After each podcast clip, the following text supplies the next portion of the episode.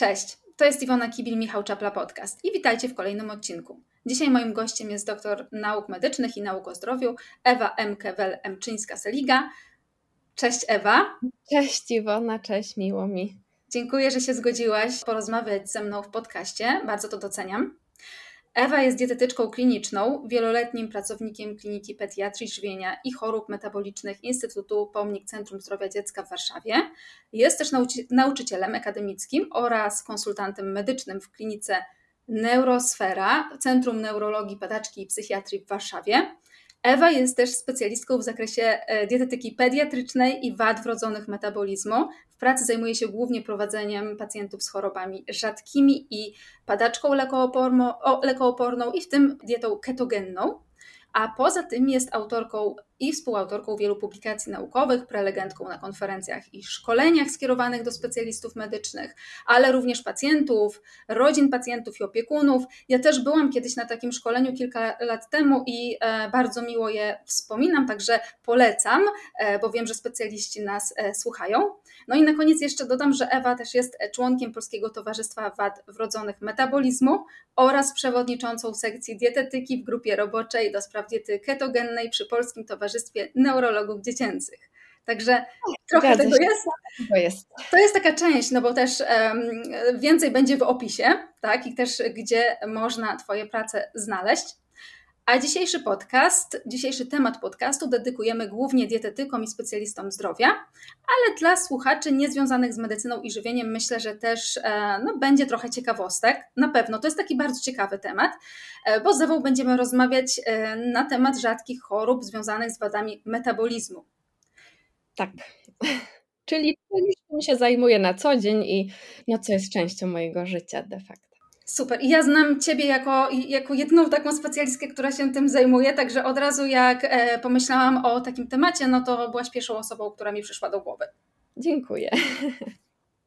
No dobrze, zacznijmy w takim razie od początku naszego e, tematu podcastu, czyli co to za choroby, co to za rzadkie choroby związane z wadami e, metabolizmu. E, no i dlaczego dieta jest w przypadku tych chorób e, tak niezwykle ważna, a także no, w zasadzie to nawet ratuje życie. Tak, więc rzadkie choroby metaboliczne to są wrodzone wady metabolizmu. Prawdopodobnie nieczęsto spotykamy się z nimi, czy w życiu, czy w swojej praktyce.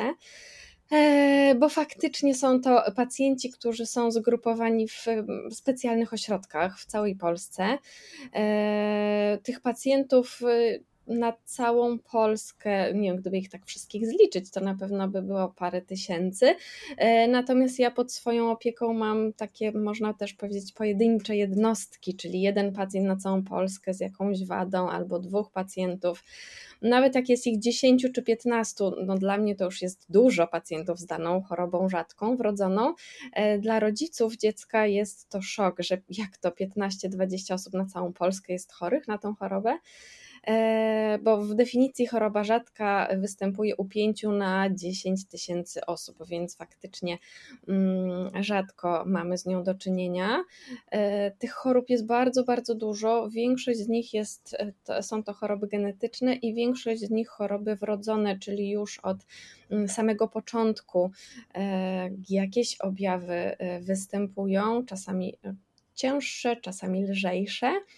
E, no, ja przede wszystkim zajmuję się leczeniem chorób, e, które są wykrywane w przesiewie noworodkowym, czyli w czasie no, pierwsze parę dni życia tak naprawdę każdego dziecka już, y, już 10 lat na pewno.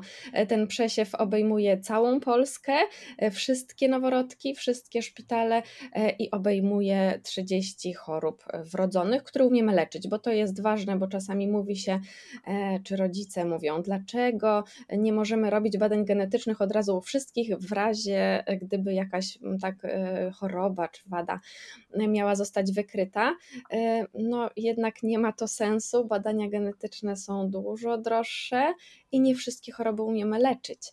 E, natomiast tutaj mówimy o tych chorobach, które faktycznie wiemy, jak leczyć i mamy zaplecze, e, no i lekarskie, i, i dietetyczne.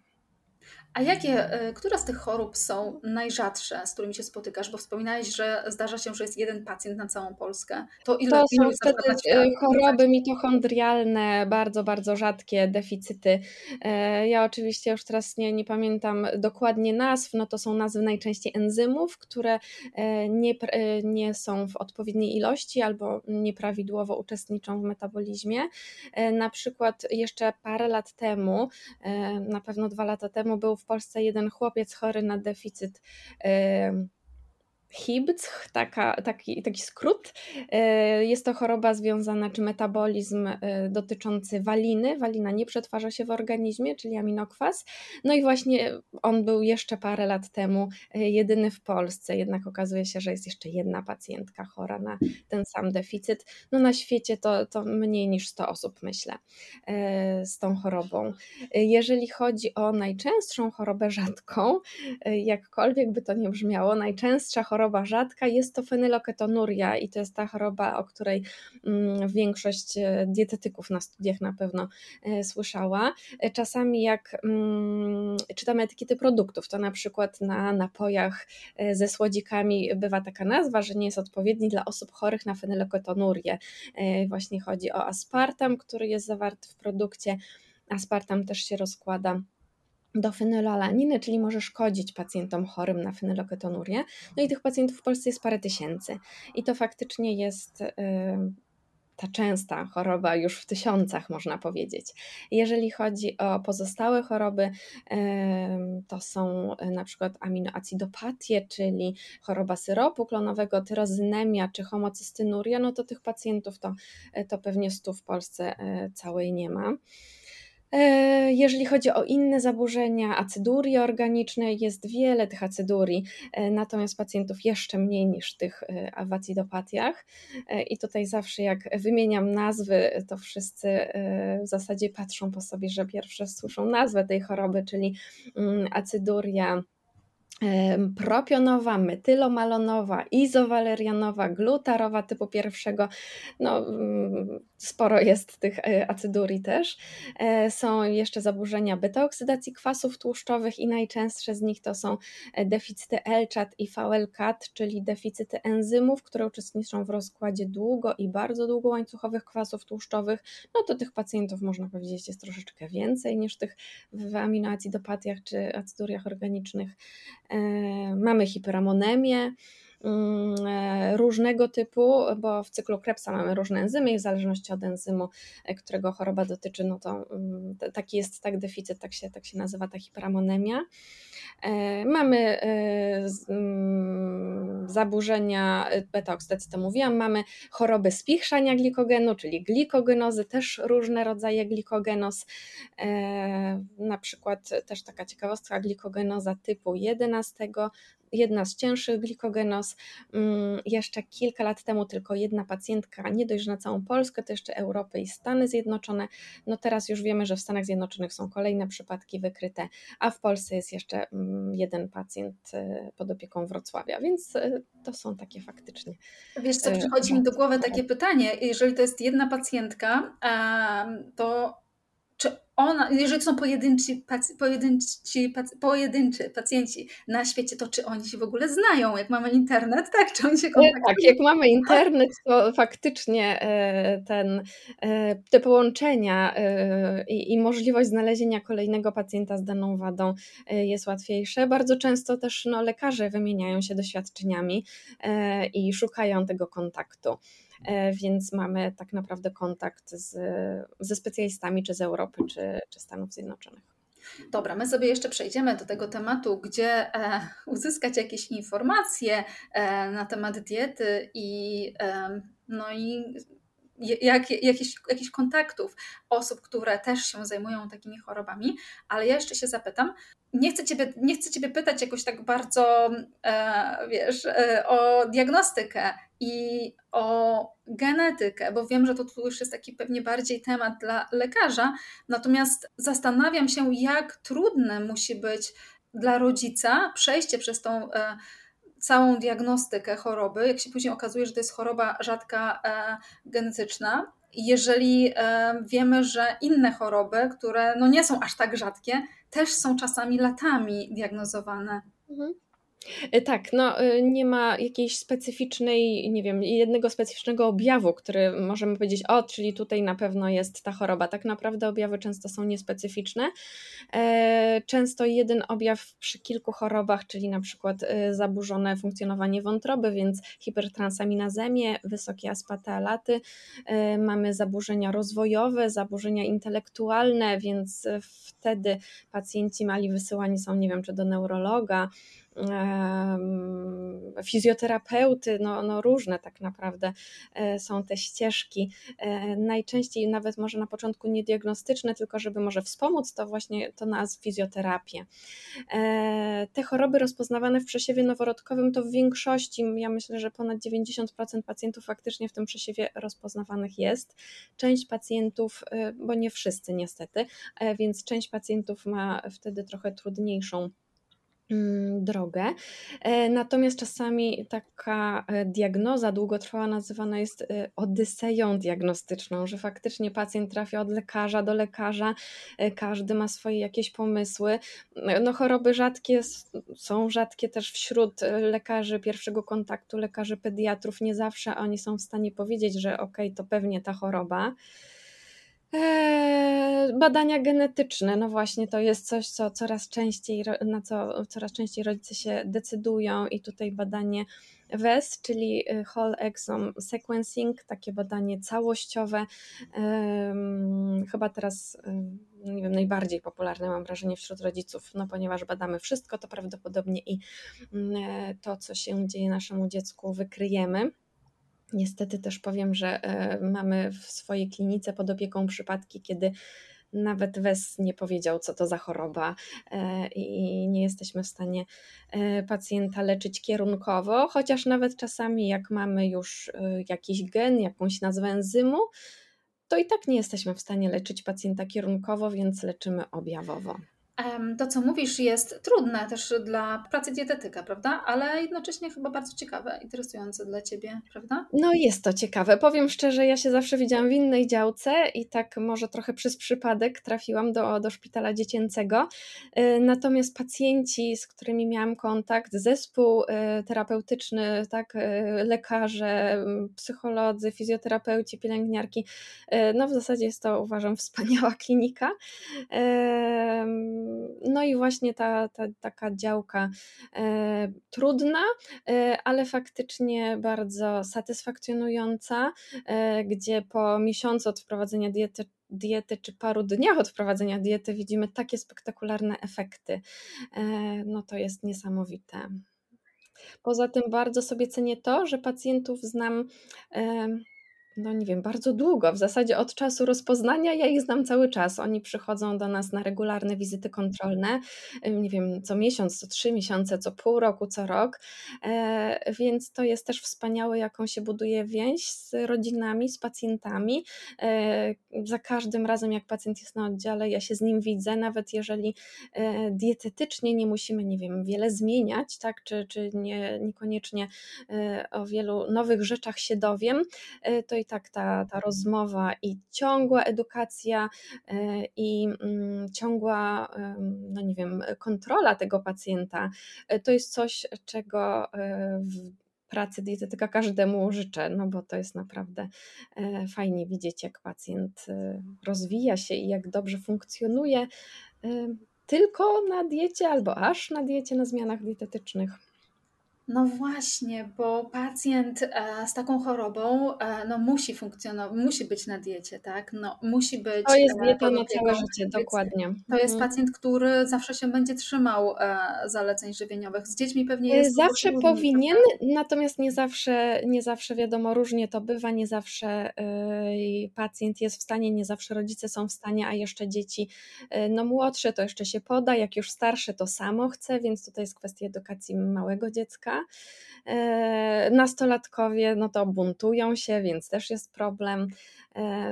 No właśnie, więc różnie to bywa z przestrzeganiem zaleceń, czasami lepiej, czasami gorzej. niestety też nie wszystkie choroby mm, dają takie natychmiastowe efekty nieprzestrzegania diety, czyli są choroby, kiedy faktycznie błędy dietetyczne mogą spowodować tak zwaną dekompensację metaboliczną, czyli załamanie, pacjent od razu trafia do szpitala, e, a są takie choroby, kiedy mm, te e, błędy dietetyczne wyłapujemy w badaniach krwi, no ale pacjent nie czuje, że ma, nie wiem, wysokie stężenie tyrozyny na przykład, tak, czy coś innego, e, więc to są takie już wtedy efekty długofalowe, długoterminowe, kiedy na przykład już pacjent e, jest w takim stanie, że trzeba przeszczepić wątrobę, więc wtedy troszeczkę jest trudniej z przestrzeganiem diety. A z którymi chorobami rzadkimi jest najciężej, jeżeli chodzi o dietę? Może weźmy mm, kilka z tych chorób jako przykład. Um, zarówno u dzieci, jak i u osób dorosłych, tak? E, z którymi jest tak najtrudniej, na mhm. czym one polegają, na czym to polega? Znaczy, może tak, można powiedzieć, że każda choroba, czy każdy pacjent mimo tej samej choroby będzie inny i może mieć inne zalecenia dietetyczne. Mamy normy, od których wychodzimy, ale u niektórych pacjentów powikłania są e, gorsze i faktycznie z posiłku na posiłek z dnia na dzień rodzice liczą dietę i pilnują konkretnej ilości mm, białka e, w diecie. Więc ciężko byłoby mi powiedzieć, że nie wiem, tak, choroba syropu klonowego to jest ta ciężka choroba, mm, czy, czy nie wiem, właśnie homocystynuria, czy tyrozynemia. Hmm, w zasadzie każda choroba w jakimś tam punkcie jest ciężka.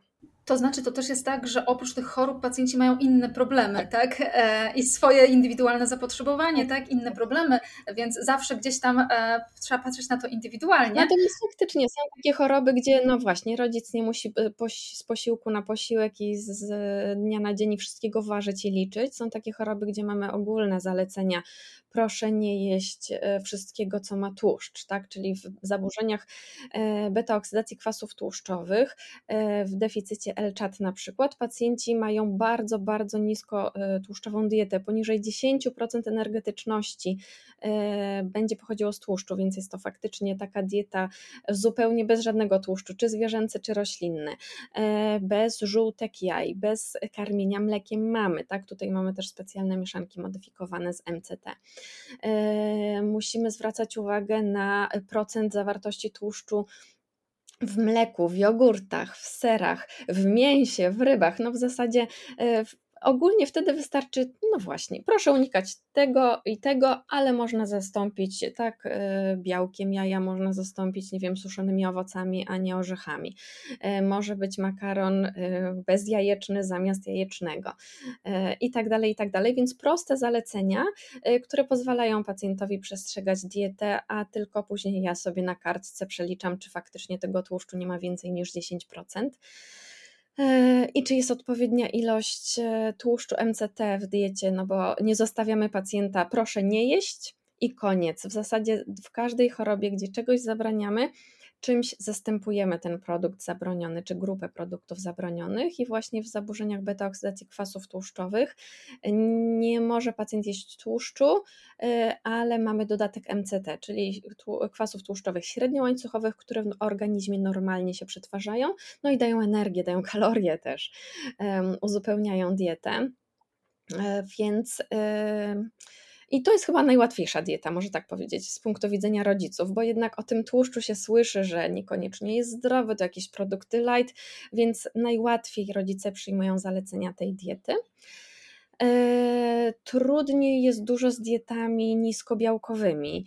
E, czy to jest e, dieta z ograniczeniem fenolallaniny, czy leucyny, czy tyrozyny.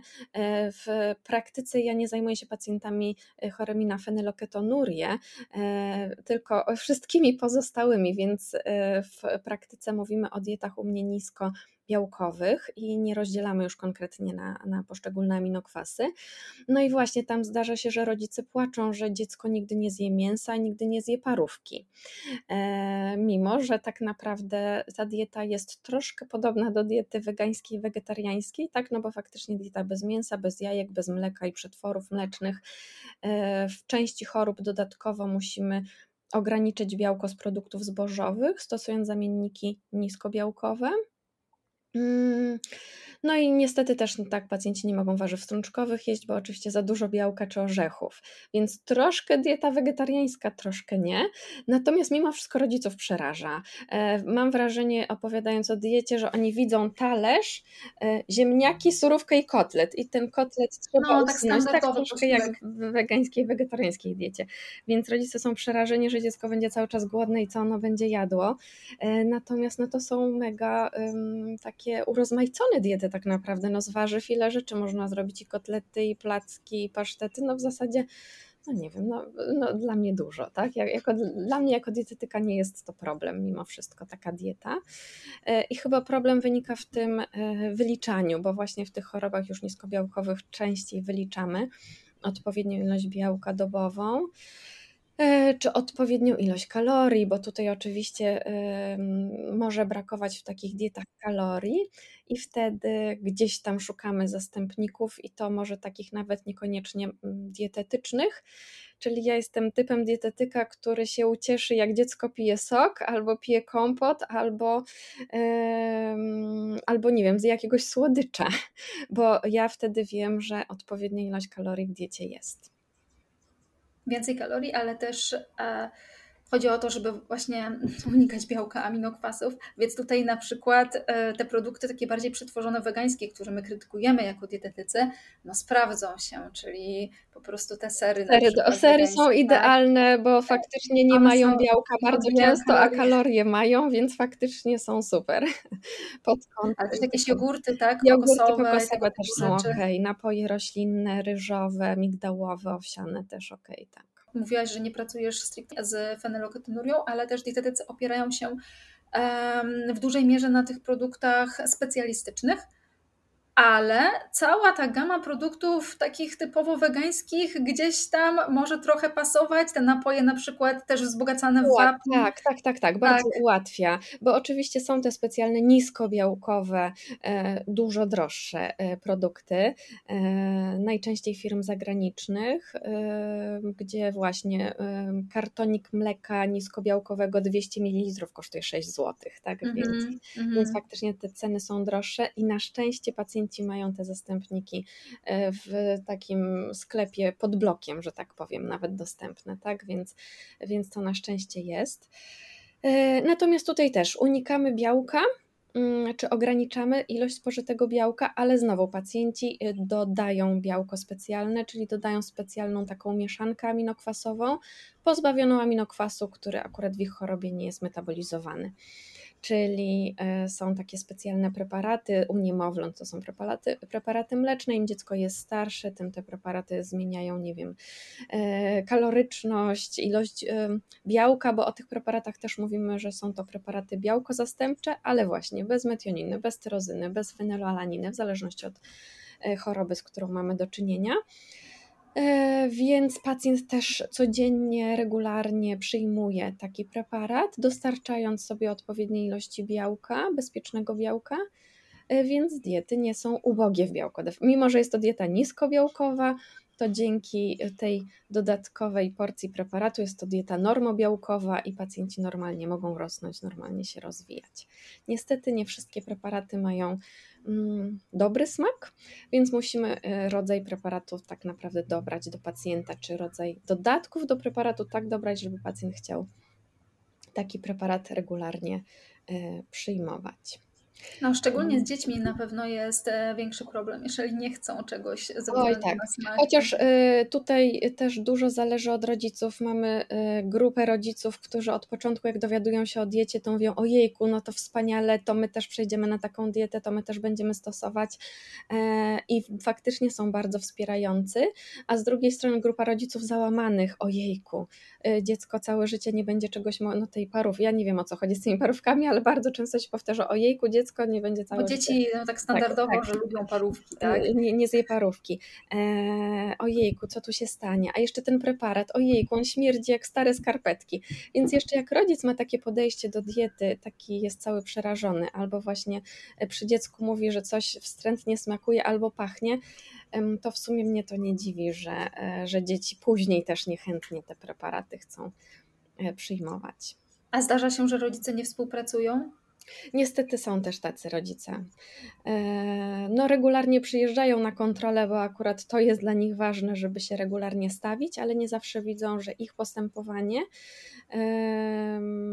wpływa właśnie na te złe wyniki.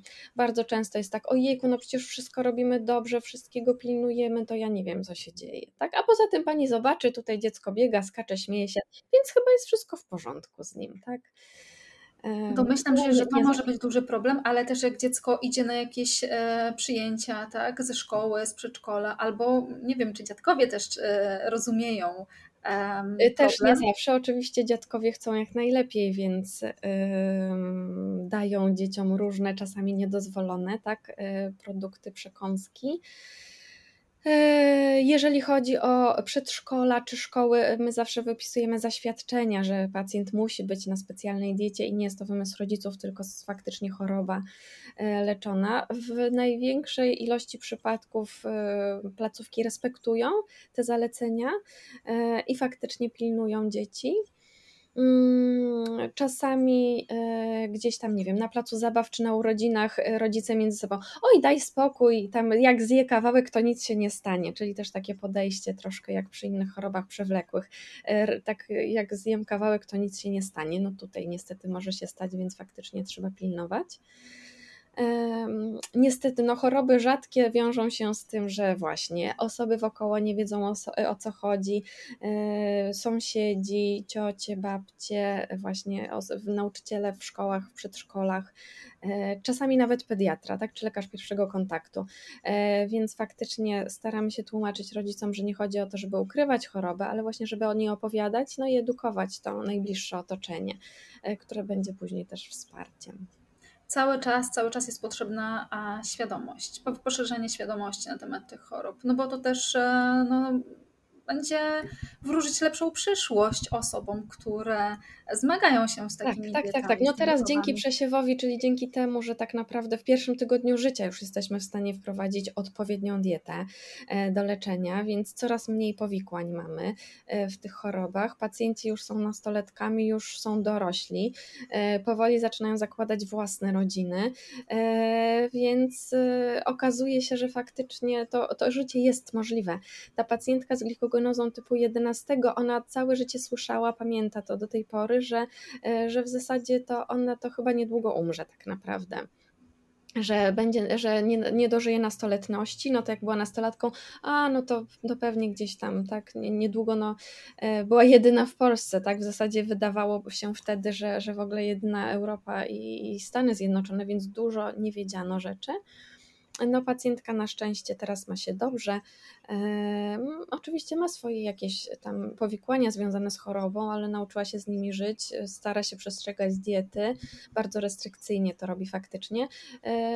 niedawno wyszła za mąż, no i prawdopodobnie planuje założyć rodzinę, mieć swoje dzieci, więc jest też taka no, pozytywnie nastawiona jednak, tak, mimo, mimo tego, tego wszystkiego, co, co kiedyś przeżyła, jako, tego, tego, ten strach, tak, jako, jako dziecko, jako nastolatka.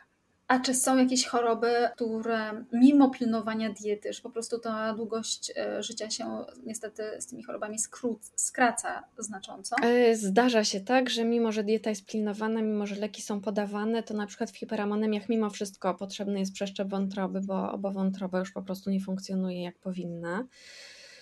E, są choroby, no dużo też chorób rzadkich. E, niestety wydaje nam się, że, że wiemy jak leczyć, jaką dietę prowadzić, ale mimo wszystko, no właśnie, gdzieś tam pacjent e, powoli się pogarsza i, i ten, ta długość spodziewana życia nie jest odległa, tak. Też, też. Ale to jeszcze Ciebie wypytam może o dietę kilku z tych chorób, o których wspominałaś. Choroba mm, syropu mhm. klonowego. Tak, no to właśnie na czym, na czym polega ta choroba i dieta? Mhm. To jest dieta z ograniczeniem leucyny. E, w chorobie, no właśnie, organizm nie przetwarza e, aminokwasów rozgałęzionych, leucyny, izoleucyny i waliny, więc e, no, ja mówię o tej leczeniu tej choroby diet, jako dieta niskobiałkowa, de facto z ograniczeniem leucyny, izoleucyny i waliny. Dieta chorobu syro, syrop, mm, choroba syropu klonowego, ponieważ pacjenta mocz pachnie jak syrop klonowy.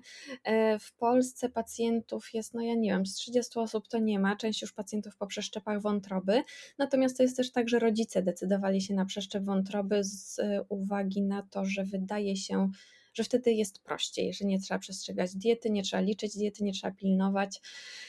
E, więc jest prościej, chociaż z mojej perspektywy to jest mimo wszystko zamiana jednej choroby na drugą, bo po przeszczepie wątroby nadal pacjenci regularnie przyjeżdżają na wizyty kontrolne, zawsze coś się może zdać e, ciężkiego. Mamy już pacjentów, e, gdzie jest drugi, już po drugim przeszczepie wątroby, więc też takie sytuacje były.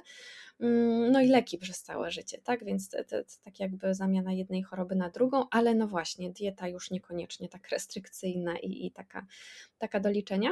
No więc właśnie dziecko po urodzeniu y, ma wprowadzoną specjalną mieszankę mleczną modyfikowaną z ograniczeniem leucyny, izoleucyny i waliny. Y, dalej reszta białka jest uzupełniana, może być albo pokarmem mamy, albo mieszanką modyfikowaną.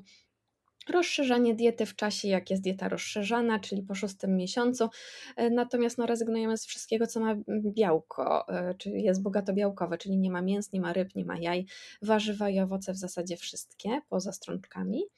E, tłuszcze wszystkie, produkty zbożowe tylko niskobiałkowe, więc jest to faktycznie mocno ograniczająca białko dieta.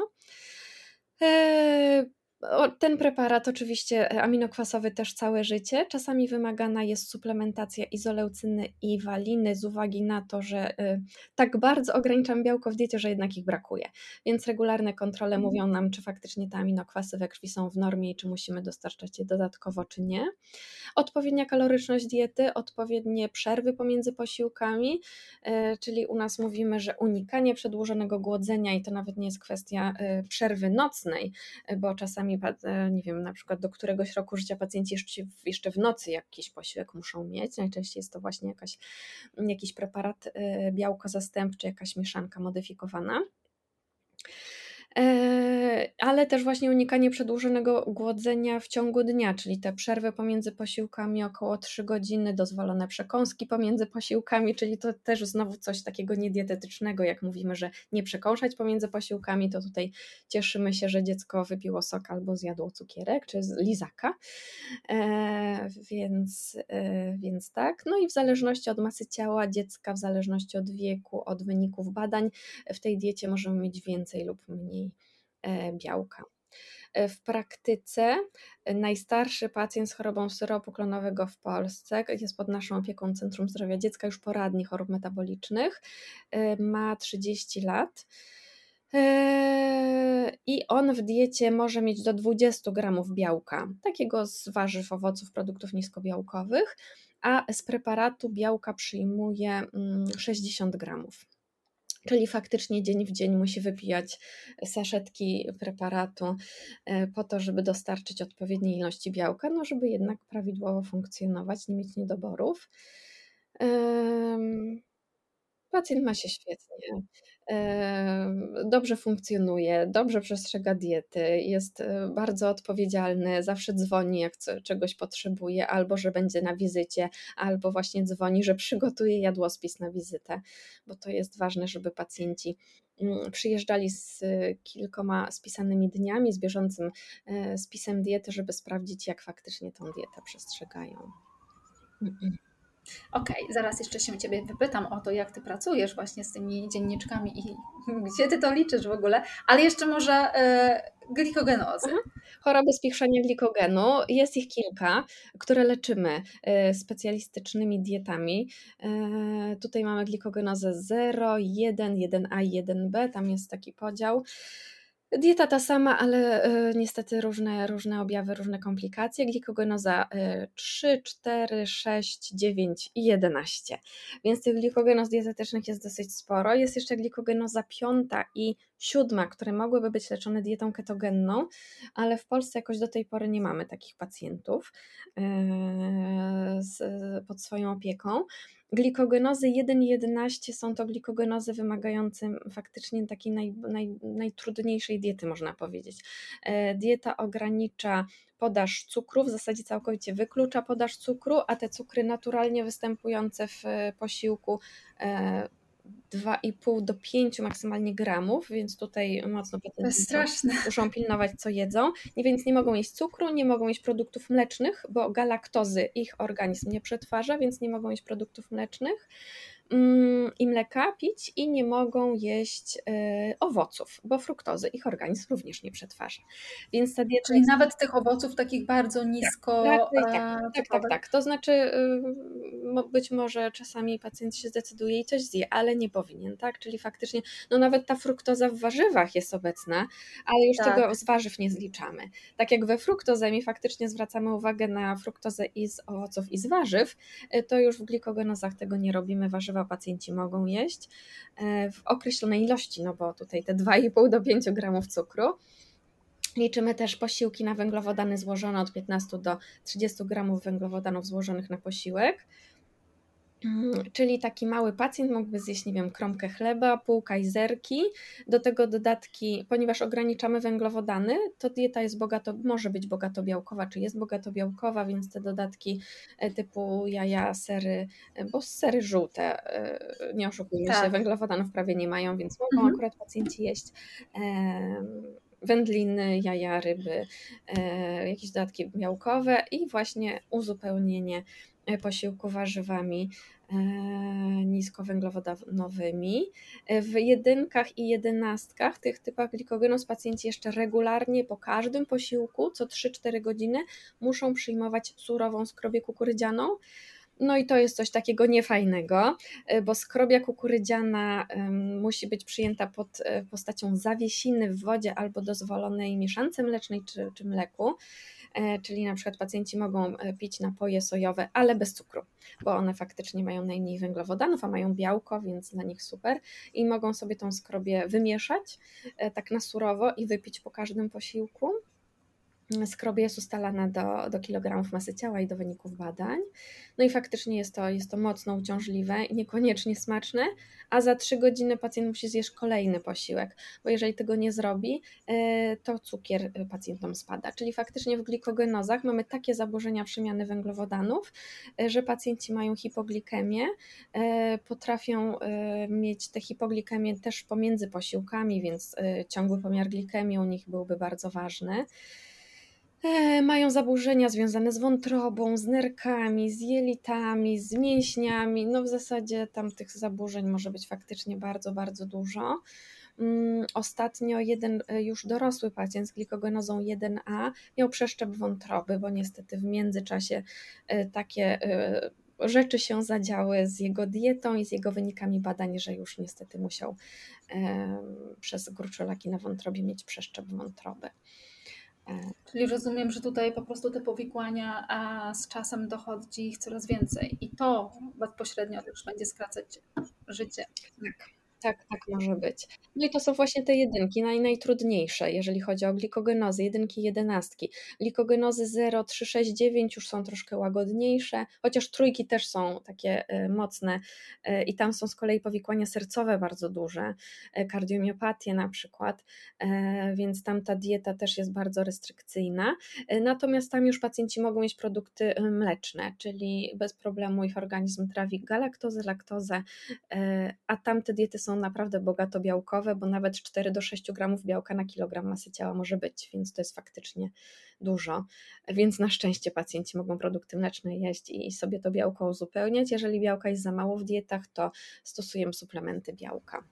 Ja domyślam się, że osobom dorosłym łatwiej jest wytłumaczyć, żeby tą skrobię tak, e, pić po posiłku. Dzieciom pewnie trudniej, a często zdarzają się zaburzenia odżywiania u pacjentów przez to. Tak, u tych pacjentów faktycznie są zaburzenia odżywiania. E, zdarza się, że od niemowlęcia są karmione przez sondę nosowo-żołądkową, czy wręcz są zakładane PEGI, czyli gastrostomie odżywcze, po to, żeby no, regularnie pacjenta karmić, bo inaczej te spadki glikemii mogłyby być śmiertelne. Tutaj spadki spada cukier, a tutaj dziecko nie chce jeść, bo jest małe i nie rozumie, a jest napchane tym posiłkiem wcześniejszym i skrobią, więc faktycznie są to e, takie ciężkie sytuacje. I, no i niestety można powiedzieć, że taka nasza terapia no, powoduje też zaburzenia odżywiania u tych pacjentów, e, czy jakieś wybiórczości pokarmowe. Czyli, mhm. Wiele pacjentów przez bardzo długi czas je to samo w zasadzie, tak? E, gdzieś tam w wieku nastoletnim czy już dorosłym zaczynają sięgać po warzywa albo zaczynają odkrywać warzywa. No, mm, faktycznie jest. Czyli rozumiem, że też e, pacjenci, zarówno dzieci, jak i rodzice, e, są też pod opieką psychologa wtedy żeby sobie... U nas na oddziale tak też jest psycholog, e, jest też, e, to znaczy nie na oddziale, ale jest w szpitalu neurologopeda, więc jeżeli jest potrzebna pomoc, to też przychodzi, daje wskazówki, natomiast no najlepiej, żeby pacjent gdzieś w rejonie był też pod opieką e, specjalisty, no bo wiadomo, u nas jest co parę miesięcy, a taka terapia czy wsparcie jest potrzebne no, Czyli to, to, cała, to wszystko, co jest związane z tą samą chorobą genetyczną, to nie tylko dieta, tak, ale też te powikłania powikłania, e, problemy na tle e, psychicznym, co jest po prostu takie dla nas jakby odległe, tak? Nam się wydaje, że to jest trudne, ale e, życie z tym na co dzień to jest coś dopiero ciężkiego.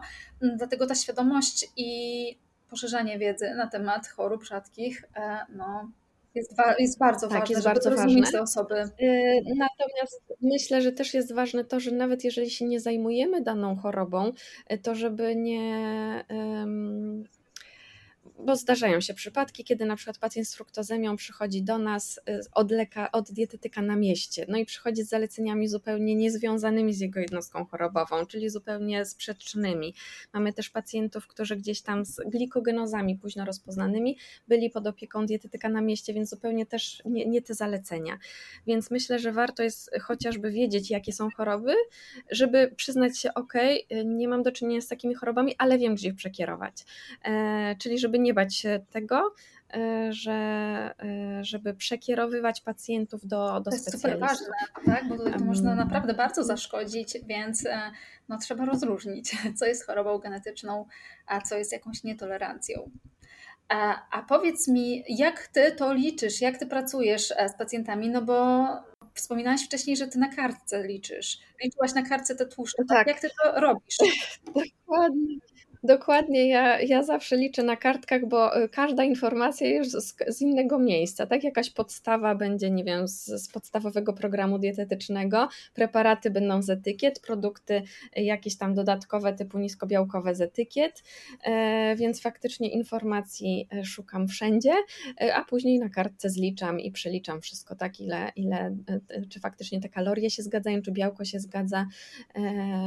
No właśnie, ja rzadko liczę aminokwasy, tak jak to w fenyloketonurii bywa, kiedy ta fenylalanina jest ważna i musi być zliczana i na tym się pracuje, to ja rzadko zliczam aminokwasy, ale no właśnie tłuszcze MCT zliczam, jakieś, nie wiem, no fruktozę e, też z różnych źródeł, e, więc faktycznie dużo, dużo na kartce.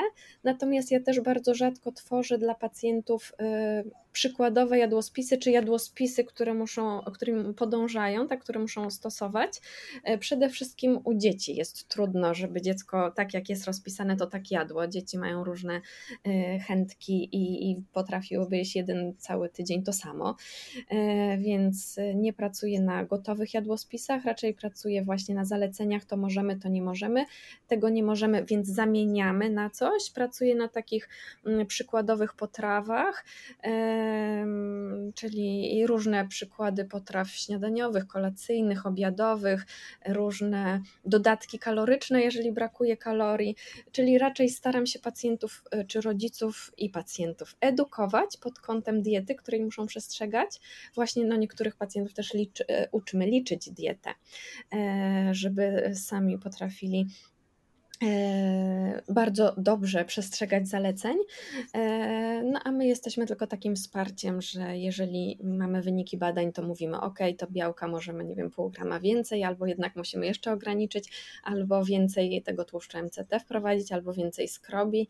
E, no więc już takie później kombinowanie i myślenie, jak wspomóc pacjenta, ale niekoniecznie gotowym jadłospisem. No ja domyślam się, że gotowy jadłospis to naprawdę i byłoby i dla Ciebie trudne, ale dzieci nie przestrzegają jadłospisów, tak? No to już tak na każdej diecie jest, w zasadzie nie tylko już tutaj akurat w, tak, na takich mhm. bardzo restrykcyjnych dietach. Um, powiedz mi, gdzie ty znajdujesz informacje? Jak jest tak, e, tak mało informacji na temat tych chorób, gdzie ty znajdujesz informacje na temat diety, na, na temat no, tej, y, praktyki dietetyka w zakresie tych chorób? Czy masz kontakt z innymi dietetykami e, Na szczęście trafiłam do takiego tak. miejsca, e, że od razu byłam wysyłana na konferencję. No i oczywiście w Polsce e, tych konferencji dotyczących chorób rzadkich to jest jedna, tak, to są raz w roku konferencje Towarzystwa Wrodzonych Wad Metabolizmu, konferencje typowo skierowane do lekarzy. Są konferencje, ponieważ w Polskim Towarzystwie Dietetyki jest sekcja wrodzonych wad metabolizmu i oni też co roku organizują konferencję mm, dla dietetyków, do, tak skierowaną do dietetyków e, dotyczące chorób rzadkich. E, więc tak naprawdę w Polsce nie ma bardzo dużo ośrodków leczących e, diety i my się wszyscy znamy, czy dietetycy, czy lekarze, e, więc mamy ze sobą kontakt też między ośrodkami. Jeżeli, nie wiem, pacjenta przekazujemy, e, to, to w zasadzie z, z, za pacjentem zaraz idzie telefon i wszystkie informacje przekazujemy sobie. Jeżeli chodzi o spotkania zagraniczne, no to oczywiście one też są, też bywają regularne i tutaj różne, i, i europejskie, i światowe na przykład za no, dwa tygodnie będę lecieć do Kalifornii, jest ósmy, mm, ósmy kongres dotyczący diety ketogennej, więc, e, więc znowu wszyscy e, specjaliści w jednym miejscu. Jeżeli chodzi o dietę ketogenną, tak, no to też to są w zasadzie ciągle ci sami specjaliści, którzy działają w temacie i od nich się uczymy. Eee, ale też mamy kontakt, no właśnie, z ośrodkami za granicą, tak? Jeżeli, jeżeli e, oni mają więcej pacjentów niż my, no to gdzieś tam zawsze e, te informacje e, przepływają i dowiadujemy się różnych Czyli, rzeczy. Mhm. Więc to szkolenie takie międzynarodowe tutaj w moim przypadku. Rozumiem, że też na, takich, na takiej konferencji wykładasz czasem, tak? I też, e, czy, czy, czy wykłady, czy plakaty, e, tak, to, to faktycznie. E, I wtedy to też wygląda tak, że po prostu przedstawia się przypadki pacjentów. Omawia się. Mhm. Tak, tak się zdarza, że przypadki pacjentów, że swoje doświadczenia dotyczące danej choroby nie wiem co jeszcze. E, czasami są takie po prostu konferencje szkoleniowe, czyli gdzieś e, przekazanie materiału typowo e, teoretycznego, tak, dotyczącego, nie wiem, jednej diety czy, czy jednej choroby. Okej. Okay. Prowadzisz też stażystów w Centrum Zdrowia Dziecka, tak? Tak, przychodzą studenci, przychodzą dietetycy, którzy chcą się czegoś mhm. więcej mhm. dowiedzieć. No więc jest to bardzo miłe e, zawsze. E, ja lubię e, przekazywać dalej wiedzę, więc faktycznie lubię tych studentów, którzy przychodzą i chcą się czegoś dowiedzieć. I zawsze mówią, że to jest jednak takie wyjątkowe miejsce, nasz, nasz oddział, nasza klinika wskazują na to, że jednak chyba by nie mogli pracować z tak trudnymi pacjentami, z tak ciężkimi chorobami, ale właśnie są zachwyceni tym naszym kontaktem z pacjentami, e, tym jak funkcjonujemy, no i że przede wszystkim e, jesteśmy miejscem, gdzie dietetyk faktycznie jest e, ważny i jest takim pełnoprawnym członkiem zespołu terapeutycznego. To mówią, że to nigdy jeszcze, jak byli na różnych praktykach, to jeszcze się z tym nie spotkali. Czy Twoja przygoda e, z Twoją praktyką dietetyczną też się zaczęła w ten sposób od stażu? Nie, nie, nie, nie. E, ja, ja przyszłam do pracy już jako, jako dietetyk. Powiem szczerze, tak na głęboką wodę zostałam, można powiedzieć, wpuszczona, bo też nie spodziewałam się, że to będą aż takie choroby, ale no właśnie, ludzie, których spotkałam na miejscu i pacjenci i E, i lekarze, z którymi e, współpracowałam i pracowałam, e, byli tak wspaniali, że, no, że wsiąkłam po prostu, że teraz już nie wyobrażam sobie innej pracy tak naprawdę. To może powiedz jeszcze na koniec, co byś życzyła dietetykom, studentom dietetyki i dietetykom, którzy przyjdą do Ciebie na staż, um, którzy być może po przesłuchaniu naszego podcastu chcieliby spróbować albo dowiedzieć się czegoś więcej, nauczyć się